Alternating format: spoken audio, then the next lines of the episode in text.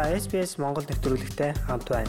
Бусад сонирхолтой нэвтрүүлгүүдийг SBS.com.cg Mongolian вебсайтаас хүлээн аваарай. Эдийн засгийн хэмжээгээр дэлхийд тэргүүлдэг 24-ний төрлийн тэргүүнүүд уулзаж коронавирусын вакцины дэлхийд иржийг тараахад туслахаа амлацгаалаа. Сауди Арабын нийслэл хот Риадын дээгүүр зорчих нисэх онгоц. Элсэн цөлөг ганцаар гатлах морьтой анжны бичлэг. Энэ бол 2020 оны их 20 дээд хэмжээний уулзалт зохиох хамгийн тохиромжтой газар байлаа. Австрали, Оросын холбооны улс, Америк нэгдсэн улс, Бүгд найрамд Хятад улс, Франц зэрэг тэргүүлэх эдийн засагт 20 орны удирдагчид хоёр өдөр үргэлжлэх дээд хэмжээний уулзалтад захимаар оролцож байна. Тэдний хэлцэх асуудлын хөтөлбөрийн тэргүүнд COVID-19 цар тахал бичигдэж байна.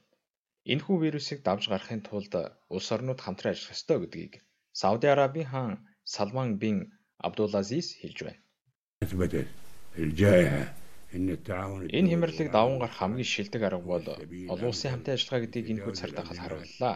Бид хамгийн эмзэг хэсэгтээ анхаарлаа хандуулах ёстой. Дэлхийн бүх орнуудад бид туслах ёстой. Хүн бүр аюулгүй болох хүртэл хэн ч исэн мэд байх боломжгүй. Их 20 энэ удаагийн хамтарсан мэдээлэлд цар тахлын хохирлоо даван гарахад хүндрэлтэй бусан ядуу орнуудад туслахын ач холбогдлыг онцолсон бөгөөд энэхүү эрүүл мэндийн салбарын хямрал нь дэлхийд дахинд баян ядуугийн ялгааг улам гүнзгийрүүлэх айцыг дагуулж байна. Энэ ч утгаараа коронавирусын эсрэг бүтээгдэхүүн вакцинууд им онцлогыг дэлхийд даяаржийг тараахад анхаарна гэдгээ дэлхийн тэргүүлэх орнуудын удирдагчид мэдэгдэцгээд байлаа.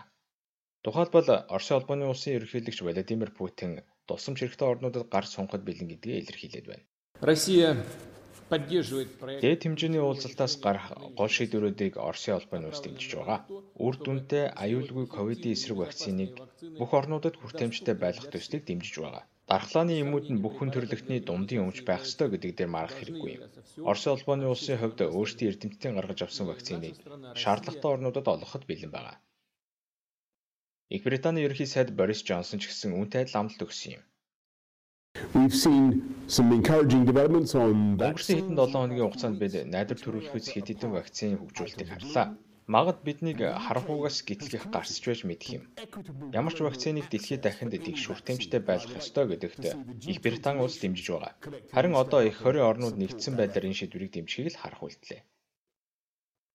Австралийн ерөнхий сайд Скот Моррисон ч гэсэн Камберагаас Сауди Арабтай холбогдсон бөгөөд вакцины хүртээмжийн асуудал дээр мөн адил байр сууриа илэрхийлсэн юм. Энэ бол 2008 оны дэлхийн санхүүгийн хямралын үед их 20 орнуудын гүйцэтгэсэн үүрэгтэй адил чухал ач холбогдолтой болохыг онцолж байлаа. Харин Францын ерөнхийлөгч Эммануэль Макроны хувьд дарааллын ихэн тийм байх нь ойлгомжгүй байсаар байгааг хэлж байна. Энэ оны төгсгөлөхэд вакцин бэлэн болно гэсэн үлээлт байгаа. Энэ бол урд хожид байгаагүй зүйл. Гэвч үүнээс гадна өөр сорилтыг даван гарах хэрэгтэй болоод байна. Энэ бол COVID-19 цар тахалтай тэмцэх шаардлагатай. эрүүл мэндийн технологийн түгээмэл хүртээмжийн асуудал юм. Зах зээл дээр вакцин гарсны дараа үүнийг түгээмэл хүртээмжтэй байлгаж.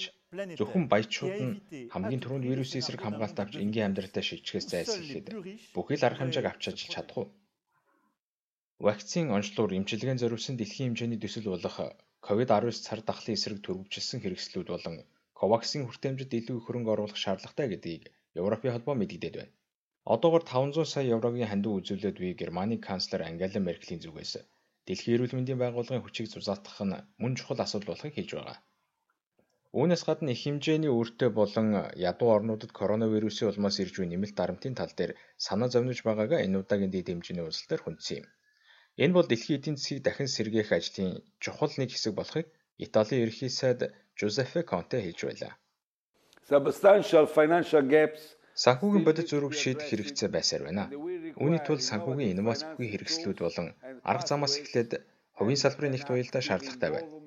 Хүрээлэн буй орчин, нийгмийн уян хатан байдлыг дэмжиж, эдийн засгийн эмх замраагүй байдлаас зайлсхийхдээ зэрэгцэн, эрүүл мэндийн системийг сайжруулах чиглэсэн зорилттой хөрөнгө оруулалтууд бидэнд хэрэгтэй байна. Энэ ч утгаараа их хорийн орнууд хөгжиж буй орнуудад олгосон өрийн иргэн төлөлтөө 2021 оны дунд хүртэл буюу 6 сараар сунгаж байгаа бөгөөд цаашид сунгах магадaltaй байна. Хэрв их хор өрийн хөнгөлөлт үзүүлэх тал дээр алдвал буурайдын цэгтэй орнуудад ядуур огцом нэмэгдэж дефолт зарлж эхлэх аюул байгааг Дэлхийн банкны ерөнхийлөгч Дэвид Малпус анхааруулад байгаа билээ. Apple Podcast дээр манай нэвтрүүлэгт үнэлгээ өгнө үү? Энэ манай нэвтрүүлгийг хайж олоход бусдад бас туслах юм.